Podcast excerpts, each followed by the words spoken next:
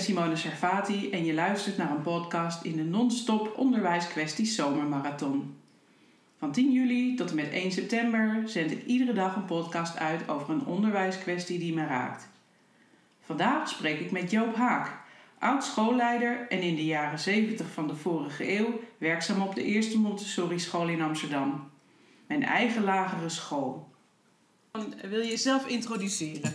Oh, ik, uh, ik ben Joop Haak. Ik heb 38 jaar in het Amsterdamse onderwijs gewerkt. Ik zeg nadrukkelijk Amsterdam. Ik heb in uh, Amsterdam-Zuid gewerkt, op een spierwittenschool. Ik ben daarna ben ik naar de 8e Montessori school gegaan in de Indische buurt in Amsterdam. Daar is een school van spierwit gitzwart geworden. Dat waren echt tropenjaren. En ik ben geëindigd op de 5e Montessori school in de Watergraafsmeer in Amsterdam, in de Juppenbuurt. En nu ben ik sinds 2010 ben ik met pensioen en doe ik allerlei vrijwilligerswerk. Bijvoorbeeld voor de Poesenboot in Amsterdam. Daar rijd ik met poesen van en naar dierenartsen. En ik ben zelf 21 jaar voetbalscheidsrechter geweest bij de KNVB. Ben gestopt en ben nu de rapporteur bij de KNVB. Dat wil zeggen dat ik elke zondagmiddag op een voetbalveld sta. En uh, een scheidsrechter rapporteren. Wat hij goed en wat hij niet goed doet. Druk, druk, druk. En verder heb ik een hele leuke vriendin.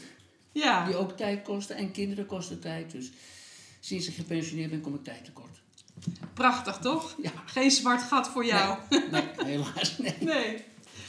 Nou, ik ken jou als uh, uh, meneer Haak ja. van de Eerste Montessori School. Dat was de eerste school dus waar jij, uh, waar jij werkte. Toen was je nog geen... Ja, toen was je nog meester. Ehm. Ja, dat is ook nog een leuk verhaal. Ik ben daar, onder protest ben ik daar gaan werken. Je wilde daar helemaal niet heen. Want mijn vrouw werkte daar. Ik was kleuterleidster op de eerste Montessori school. En ik kwam van de kweekschool af. En toen bij de gemeentelijke inspecteur, die zei van nou, we hebben een baan voor u. Eerste Montessori school. Toen zei ik, ja, ja, maar dan wil ik helemaal niet werken. Want ik wil niet samen met mijn vrouw in één school werken. Nou, zei hij, dan moet u in dienst. Want ik had, dat, dat had ik inmiddels ook al thuis gekregen. Nou, heb ik toch maar eieren voor mijn geld gekozen. En ben ik uh, daar gaan werken. Ja. Als allereerste school rechtstreeks van eh, de kweekschool af. Ja.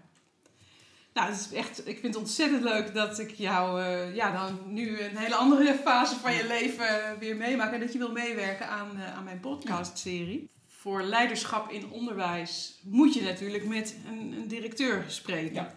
Dus waarom niet dan een oud-directeur? Ja. Dus, nou, dus ik vind het hartstikke leuk dat je ja, jouw kant van dat verhaal wil vertellen. Um, Even eerst een hele algemene vraag over leiderschap eh, of over schoolleider zijn. Wat vind je de belangrijkste competenties van een schoolleider? Uh, in mijn periode was de belangrijkste competenties dat je uh, leerkrachten, of leidsters of leiders zoals wij dat noemen in Montessori onderwijs, uh, de ruimte gaf en de gelegenheid gaf om zich te ontplooien en alles te doen voor de kinderen. Dat was in mijn tijd was dat belangrijk. Ja. En ja, we waren meer. Um, we waren er voor de mensen, voor de, voor de, voor de, de onderwijsgevende waren we er. En tegenwoordig ben je manager. En moet je zorgen, moet je de zaak managen, en moet je een product opleveren en moet je je verantwoorden. Wij verantwoorden ons ook wel, mhm. maar op een totaal andere manier. Kan, kan je daar iets over vertellen? Een verantwoording naar ouders toe. Wij gaven geen rapporten, we gaven geen verslagen, wij spraken. We spraken met de ouders over de vorderingen van de kinderen. En we lieten af en toe wel eens wat zien wat een kind gedaan had. En tegenwoordig moet alles op papier. Echt alles op papier. Mhm. je, je, gaf net al aan van het belangrijk verschil tussen toen en nu is dat je toen pedagogisch gezien ander, anders omging met je, met je personeel. Daar had je ook tijd voor, hè? Ja? Die tijd, die tijd die wordt nu opgeslokt met alle administratieve zaken die je moet doen als directeur zijnde. Je moet echt alles opschrijven, alles noteren, noem maar op. En wij, wij hadden, vroeger had je gesprekken met je, met je leerkracht, maar daar schreef je niks van op. Van, hoe gaat het? Heb je problemen daarmee?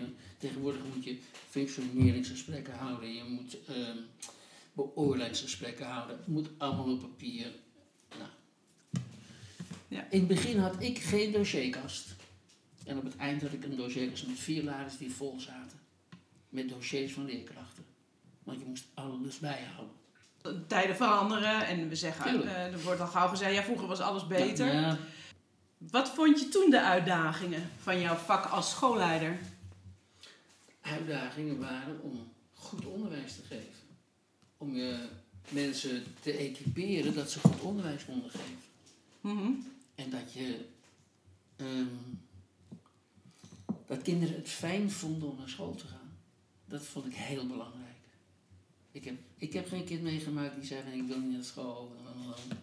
Natuurlijk gebeurt er wel eens wat in het praatje met zo'n kind. Wij praten veel meer met kinderen. Ook als directeur zijn. Je stond bij de deur en je gaf al die kinderen een hand als ze binnenkwamen. Je kende ze allemaal bij naam. Hm. Nou weet ik niet hoe het is, maar op mijn laatste school, waar ik gewerkt heb, ik weet niet of de directeur alle kinderen kent. Dat waag ik echt te betwijfelen. Ik, ik ben er wel eens en hij zit alleen maar achter zijn bureau. Hij, hij komt volgens mij niet in een klas. Terwijl wij toch wel vaak in de klas kwamen, gewoon even binnen, eh, noem maar op. Is dat dan ook prioriteiten stellen? Of is dat ook omdat je echt wel meer tijd eh, beschikbaar had? Ja, ja, veel meer tijd beschikbaar. Ja. En nu gaat het allemaal op administratie die je moet doen, enzovoort, enzovoort. En, en wij hadden natuurlijk ehm, in onze periode, we hadden niets met financiën te maken. Helemaal niets. Als wij iets wilden hebben, belden we op naar het Saskia-huis. Ja. Dat is het de gemeente. Saskia-huis, belde je op. En dan zei je, ik eh, wil schrift hebben. Nou, stuur me een bon in. Dan stuur je een bon in. En het kwam altijd goed. Mhm. En tegenwoordig, ja, je hebt zelf je financiën. Dus je moet zelf kijken van waar geef ik wat aan uit en welke mogelijkheden heb ik eh, na een bijscholing. Nou, we hadden vroeger het ABC, Amsterdamse Begeleidingscentrum. Nou, dan schreef je gewoon in wat je wilde doen. En tegenwoordig moet je kijken hoeveel budget heb ik daarvoor en kan dat wel en wat kost dat dan. En ik heb in dit laatste stadium inderdaad mensen die bepaalde cursussen wilden volgen. Heb ik gezegd, ja oké, wij betalen dat als school zijnde. Maar als je binnen een jaar weggaat, betaal je de helft terug. Eh, ga je binnen twee jaar weg, eh, drie kwart, enzovoort, enzovoort. Want anders dan ben je een leerkracht aan het opleiden voor een andere school. Dus dat stukje zakelijkheid, wat vroeger ja, buiten de school gebeurde, dat, Ja, dat komt er dat nu komt allemaal nu bij. in de school. Ja. En dat is... eh, ik denk dat ik op dit moment geen directeur van een school zou willen zijn. Ik ben opgeleid als onderwijzer. Dat is, dat is mijn gegeven. Ik, ik Mhm. heb die cursus, ik heb die, die opleiding als onderwijzer. Ik heb daarna de hoofdakte gedaan. Maar ik ben er blijven onderwijzen. En tegenwoordig zijn het geen onderwijzers, zijn managers. Ja. Die een product moeten opleveren. Net zoals in een fabriek. Aan het eind van de, loop, van de loopband staat er een product. En in mijn optie is elk kind anders en moet je elk kind de gelegenheid geven om zich te ontplooien. En de een kan meer dan de ander. Dat is een gegeven. Het is een gegeven en, en je moet proberen, te, wat ik wel vind is dat je als onderwijzer, maar ook als school, ook als directeur, moet proberen alles uit het kind te halen wat erin zit. Je moet niet het gevoel hebben als een kind eh, vanzelf gaat, nou dat had veel meer gekund. Mhm. Dat, is, dat vind ik wel een gegeven.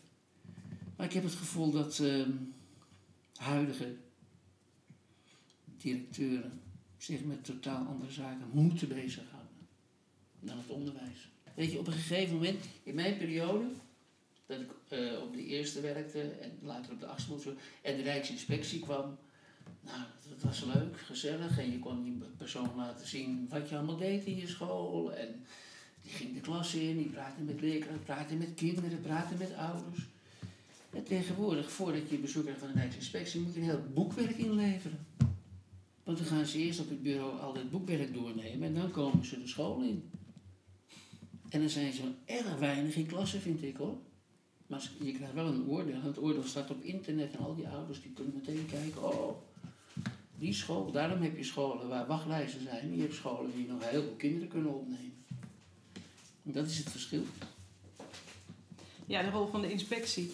Ik Ja. weet nog wel vroeger dan eh, was eh, mevrouw Bieren Broodspot van de inspectie die kwam langs. En dan moesten we altijd eventjes wat rustiger zijn Ja. van de juf. Ja. maar tegenwoordig is het dus zo, dat heb ik ook meegemaakt hoor. Ja. Ehm, het buitenspelen. Je mag maar een kwartier buiten spelen met kinderen. S morgens. Nou, als het lekker weer is. Kom op, ik weet nog wel, op, op de eerste als er sneeuw lag, gingen we naar buiten, gingen we sneeuwballen gooien met die kinderen. Dat was hartstikke leuk, hartstikke gezellig. Nou, tegenwoordig moet alles, op de rijksinspectie, speel je maar een kwartier buiten. En niet langer, en dan ga je netjes naar binnen.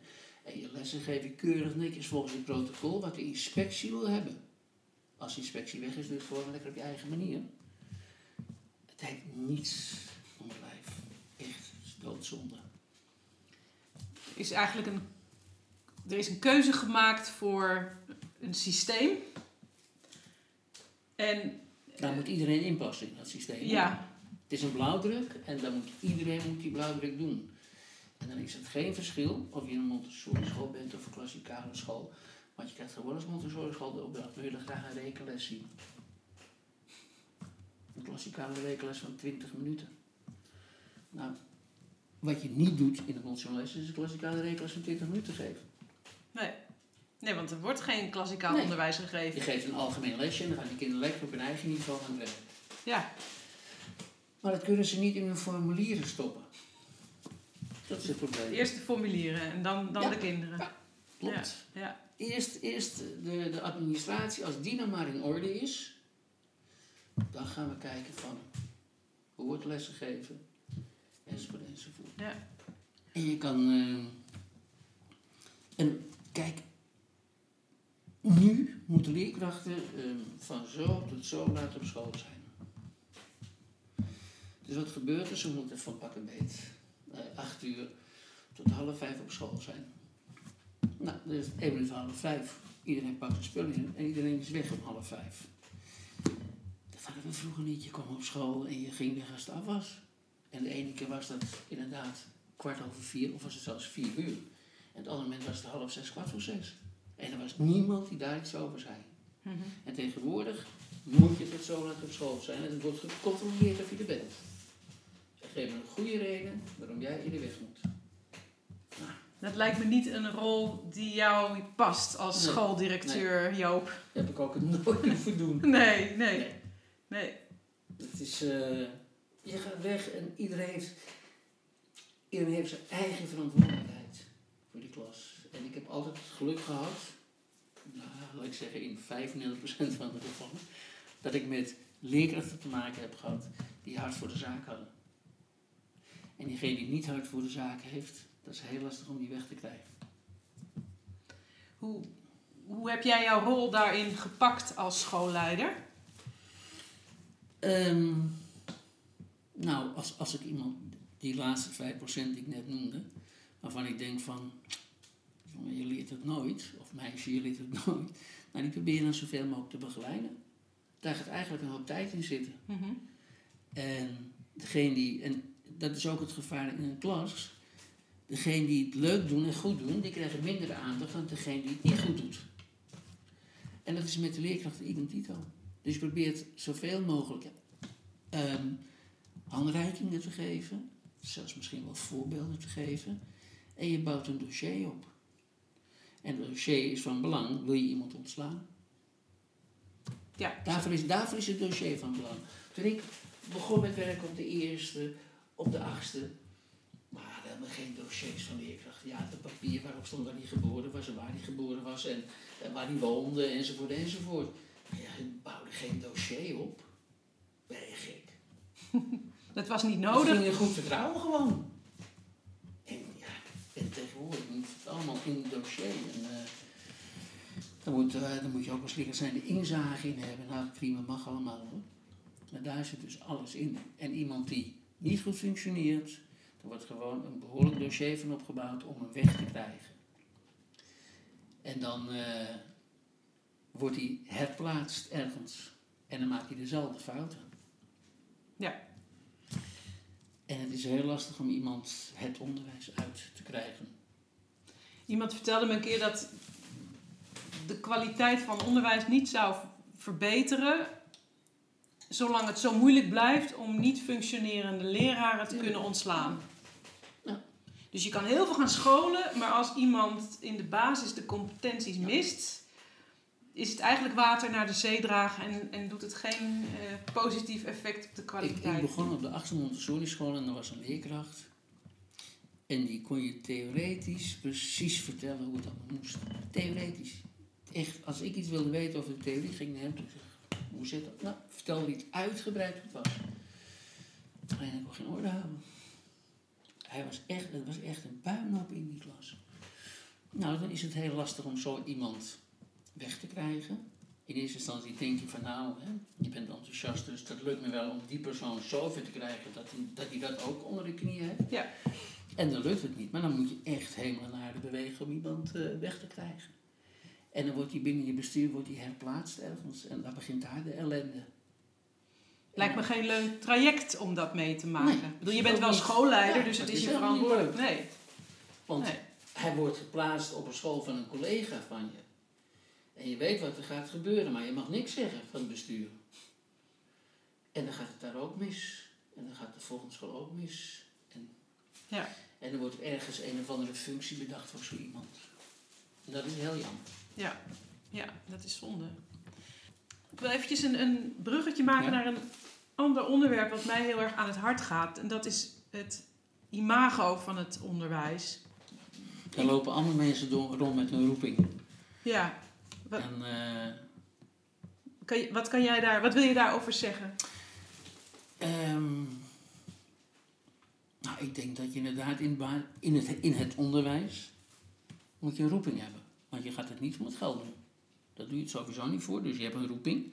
Je wil graag werken met kinderen. moet je ook tegenwoordig heel voorzichtig mee zijn als je dat zegt. Ik doe graag dingen met kinderen. Ehm, dus dit is een roeping. En ehm, het is helemaal niet zo dat als jij wil uit onderwijs uit, dat je voor eh, het bedrijfsleven iemand bent die ze graag willen hebben. Helemaal niet. Want dat onderwijs, dat is maar zo-zo. Ik weet van een collega die, die wilde het onderwijs uit, die heeft gesolliciteerd bij eh, Defensie. Nou, werd niet aangenomen hoor. Want hij kwam uit het onderwijs, dan moet je maar in het onderwijs blijven. En je kan heel weinig carrière maken in het onderwijs hoor. Dus het is een beetje de zachte sector. Ja. Ja, en er werken natuurlijk nou, eh, veel vrouwen. Heb je het zien voor vrouwen in jouw Ja. carrière? Ja. Ik, eh, toen ik op de eerste begon, hadden we vier mannen Ja. op vijf vrouwen, geloof ik, uit mijn hoofd. Mhm. Op de laatste, mijn laatste school, waar ik dus afscheid heb genomen, daar werkten 50 mensen. 50 leerkrachten, en 50 man dat personeel tussen aanhalingstekens. Dat vind ik ook zo rot woord, personeel. En er waren vijf mannen, waarvan er één de conciërge was. En natuurlijk de directeur was een man. ja. Dus drie eh, mannelijke eh, ja, leerkrachten. En de rest waren allemaal vrouwen. Dan wordt er in de media wel de link gelegd met eh, afgenomen status van het onderwijs gekoppeld aan de Ah, toename ja. van vrouwen in het onderwijs. Ja, ik weet niet of dat zo is. Dat weet ik niet. Kijk, vro- vroeger was... ehm, eh, vroeger had je als onderwijzer had je, had je status. Ik weet nog van mijzelf toen ik kind was en ik kwam eh, thuis en zei... Ja, de meeste dingen... Zei mijn moeder, nou dat zij het wel verdiend hebben. Ja, Punt. Tegenwoordig, als ik weer thuis kom, zeg ja, maar de meester heeft... Die ouder staat direct op school. Ja. En die gaat die meester vertellen wat, wat hij of zij vindt van wat er moet gebeuren. Er is geen enkele status meer. Vroeger hoorde je in een dorp tot een van de notabelen. Als, als directeur dan had je wel de taak om op Koninginnedag eh, de obanen te doen, maar oké. En tegenwoordig is er geen enkele status meer. Je bent, volgens mij eh, verzwijgen de meeste mensen als ze op een verjaardag zijn dat ze in het onderwijs werken. Want het is helemaal niet meer zo'n hoogstaand beroep. denk je dat die status te keren is? Dat is natuurlijk lastig, hè? Het, gro- het grote gevaar wat- ooit in het onderwijs begonnen is, is ehm, de ouderparticipatie. En die is wel heel ver doorgeschoten, hoor. Vind ik. Is in plaats van... In, eh, dat begon met de leesmoeder. Nou, dat was op een gegeven moment... Volgens het woord leesmoeder mocht niet, moest leesouder zijn, want het kon ook vader zijn. Oké. Dan kreeg je de MR.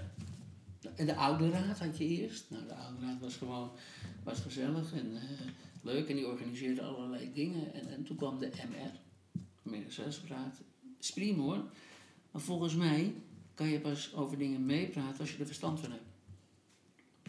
En ouders in de MR hebben niet altijd overal van het onderwijs verstand van.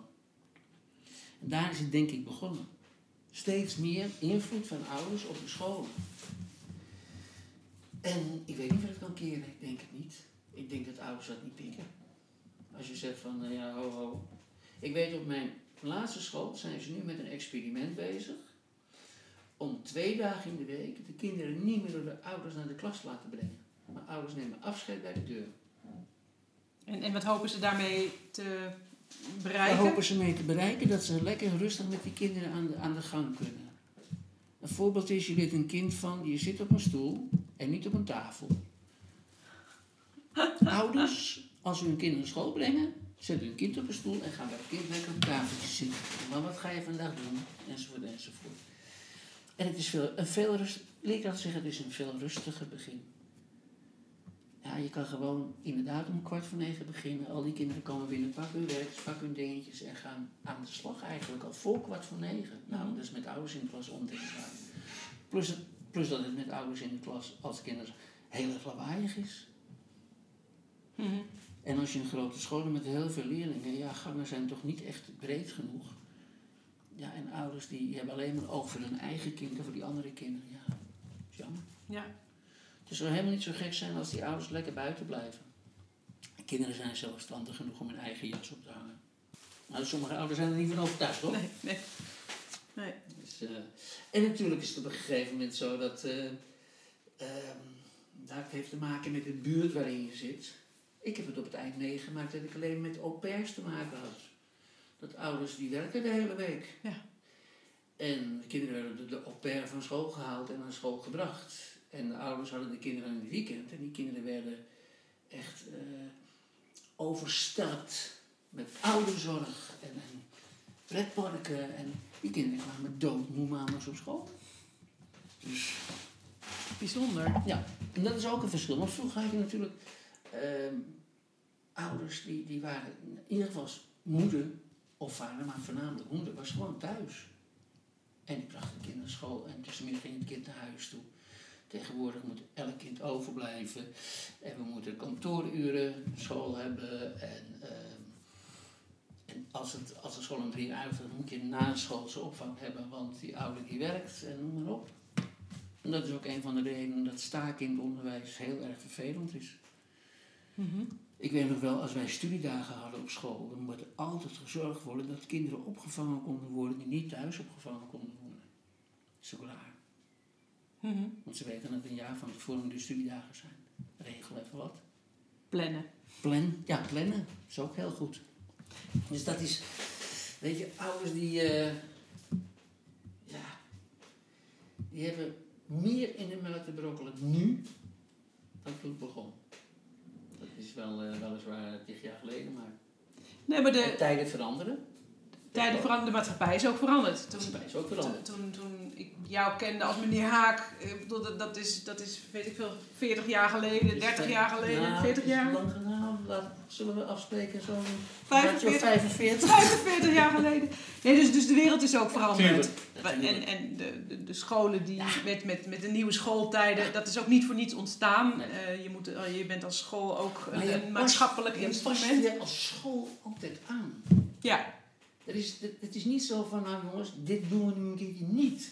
Het is voor ons, dus ons betekent de kinderen, het is voor de kinderen beter dat we dit niet doen. Nee, we passen ons aan, want van buitenaf, of het ouders zijn, of iemand achter een bureau in Den Haag, waar ook heel veel vandaan komt, daar pas je je op aan.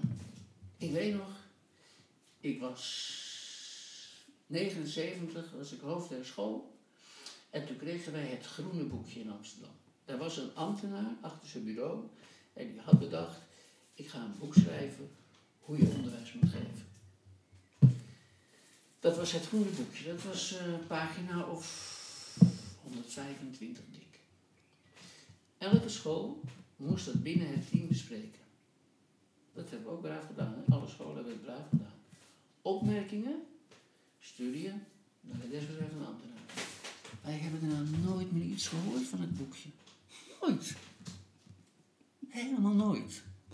En zo gebeurde er. De- je krijgt in het onderwijs, en dat is ook een makker van het onderwijs, je krijgt in het onderwijs nooit de gelegenheid om iets echt goed uit te proberen en af te maken.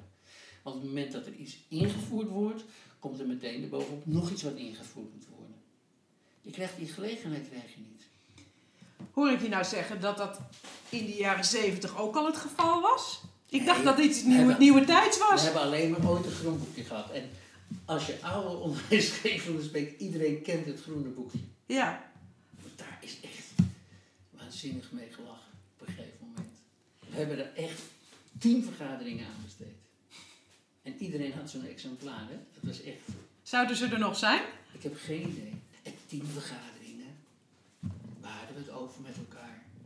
A. Je was ambulant. Je stond zelf voor de klas. Dus je had twee dagen ambulant was je. En drie dagen stond je als, als hoofd der school stond je voor de klas. Dus deed je met tien vergaderingen? Je deed met tien vergaderingen deed je de post. Post. De rondvraag deed je. Dus de post, de rondvraag deed je. En eventueel wat er van bovenaf gevraagd werd kan je eens inventariseren binnen je team of dat deed je. Dat waren teamvergaderingen. Nou, tegenwoordig moet je studiedagen doen en je moet alles verantwoorden enzovoort enzovoort. En er worden, dat heb ik ook meegemaakt, er worden mensen van buitenaf ingehuurd voor heel veel geld op Mhm. studiedagen die hun eigen verhaaltje komen doen. En wat is nou de uiteindelijke winst van zo'n dag? Nou, volgens mij is die heel weinig. Heel weinig. Mhm. Is het zo dat door dat schoolleiders nu amper nog lesgevende taken hebben, dat ze verder af zijn komen te staan van de werkvloer? ik wel, ja. ja. Ik, heb al die jaren dat ik dus over de school en directeur was, heb ik altijd minimaal één dag in de week gewoon voor de klas gestaan. Omdat ik het gewoon leuk vond. En kom op, daar ben ik op opgeleid. Zeg, ik ben opgeleid om onderwijs te geven. Schiet op. Ja, ja. En dan eh, nam ik de klas over en dat kreeg je op een gegeven moment, kreeg je, vond ik ook zo raar, kreeg je ADV. Dat is ook zoiets fantastisch. Mijn eerste ADV-dag ben ik binnengebleven. Ik ben niet naar buiten gegaan. Ik had het gevoel dat ik spijt had. En iedereen zag mijn auto voor de deur staan. En dacht, hè? en ik, ik vond het zo raar. Dat je zo'n vrije dag had opeens, terwijl iedereen gewoon werkt. dus, dus dat, ja, dat soort dingen. En je maakte, ja, zo, en het kwam het ADV, moest je ADV-rooster maken wanneer wie had. En dan moest je invallers hebben die die ADV konden opvangen. Nou, ik heb, eh, in al die jaren heb ik altijd gewoon gezorgd dat ik één dag in de week ADV opving voor iemand. En dat was hartstikke leuk, want voor de klas dan gewoon weer mijn oude, oude beroep uitoefenen. En dan zei ik ook tegen iedereen, jongens, ik sta vandaag voor de klas.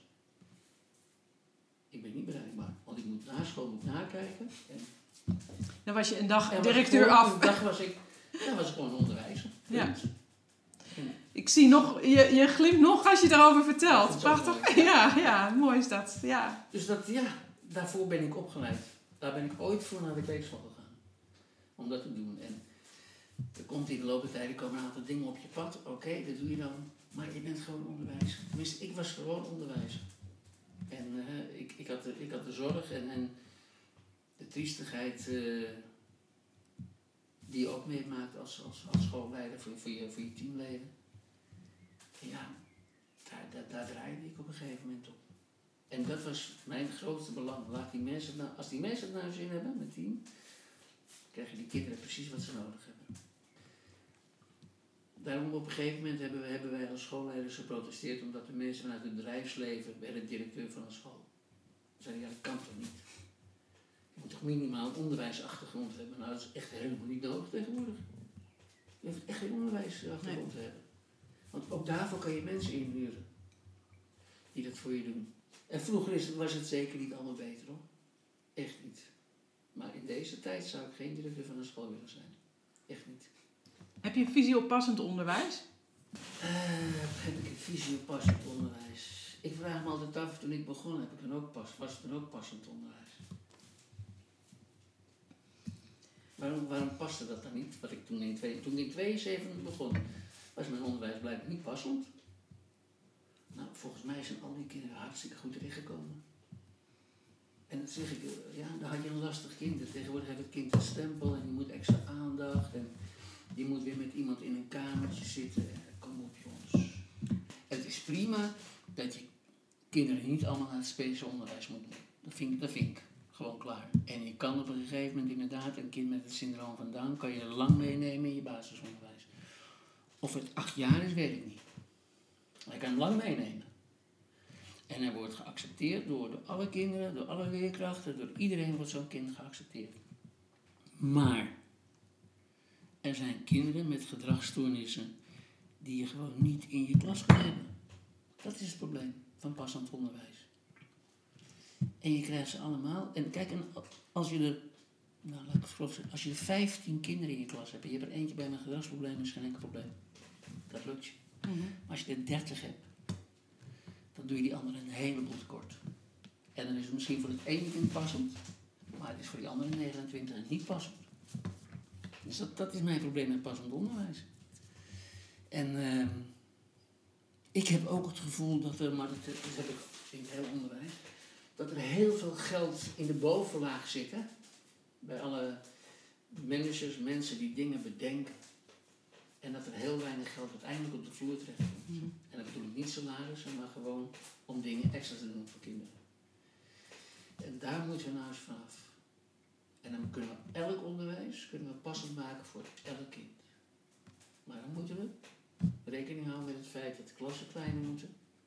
En dat je die leerkrachten de gelegenheid moet geven om passend onderwijs te geven. En dat lukt niet als je de 30 hebt. Echt niet. Dus dat is mijn visie op passend onderwijs. Dank je. er- Ja, ik ben er niet gek op. Nou ja, het ligt eraan hoe je het definieert. Want jij Ja. begon, jouw reactie was van, nou, gaf ik in 72 Ja. geen passend onderwijs. Ja, ja, klopt. Ik, ik definieer passend onderwijs als goed onderwijs. Passend onderwijs is gewoon goed onderwijs. Want Ja. goed onderwijs past toch altijd? Ja, precies. Ik weet, ik weet nog dat we de vijf uh, tien vergaderingen hebben gehad, studiedagen hebben gehad. We moeten in onze visie, want dat moest je dan ook schrijven, de visie van de school moet je schrijven. In onze visie moeten we opnemen dat we maximaal per klas één kind met Down kunnen opnemen. Dat zien ze allemaal. Ze zien kinderen met Down, ze zien kinderen met gedragsproblemen, zien ze. En die zijn er nu ook en die zijn er altijd geweest. Ja, Alleen heeft het nu een stempeltje. ja. Ik weet nog wel in de periode dat, eh, volgens mij dat jij op school zat, was op een gegeven moment een televisieuitzending. S'avonds, en dan hadden ze het over MBD-kinderen. ja zo heette dat Minimal vroeger. Brain Damage. Ja. Nou, de volgende dag jongen, op de halve school. Halve school met MBD. Volgens de ouders. ik heb gisteravond, ik zei, ja, ik heb het ook gezien. nou, die symptomen heeft mijn kind ook. Ik zei, nou, ik zei niet alleen jouw kind, volgens mij de rest van de klas ook. Allemaal MBD. Allemaal MBD. Dankjewel voor je verhaal, Joop. Ik ben heel blij dat je je ervaring hebt willen delen. En eh, op dit nieuwerwetse medium. Heel spannend. Vond je het leuk? Ja, ik vond het heel leuk. Ja? Oké. Ik zal je het linkje geven om, eh, eh, om naar te Ja. luisteren. Dat zal ik je mailen. Heel goed. Dat gaat nog wel lukken, denk ik. Dat lukt wel. Ja, nee, ik ontvang gewoon mail. Dankjewel. Goed, graag gedaan. Dat was het voor vandaag. Wil jij een keer meedoen met een opname? Of heb jij een onderwijskwestie die je met mij wil opnemen? Stuur dan een mailtje naar simone.sarfati.nu. Als je het interessant vond, deel deze podcast dan of abonneer je op mijn podcast. Het is gratis. Weet dat ik het waardeer en weet ook dat je meer informatie over passend onderwijs kunt vinden op mijn website www.sarfati.nu. Sarfati met PH en IE. Bedankt voor het luisteren, een zomerse groet en tot morgen. Tot passend weerziens!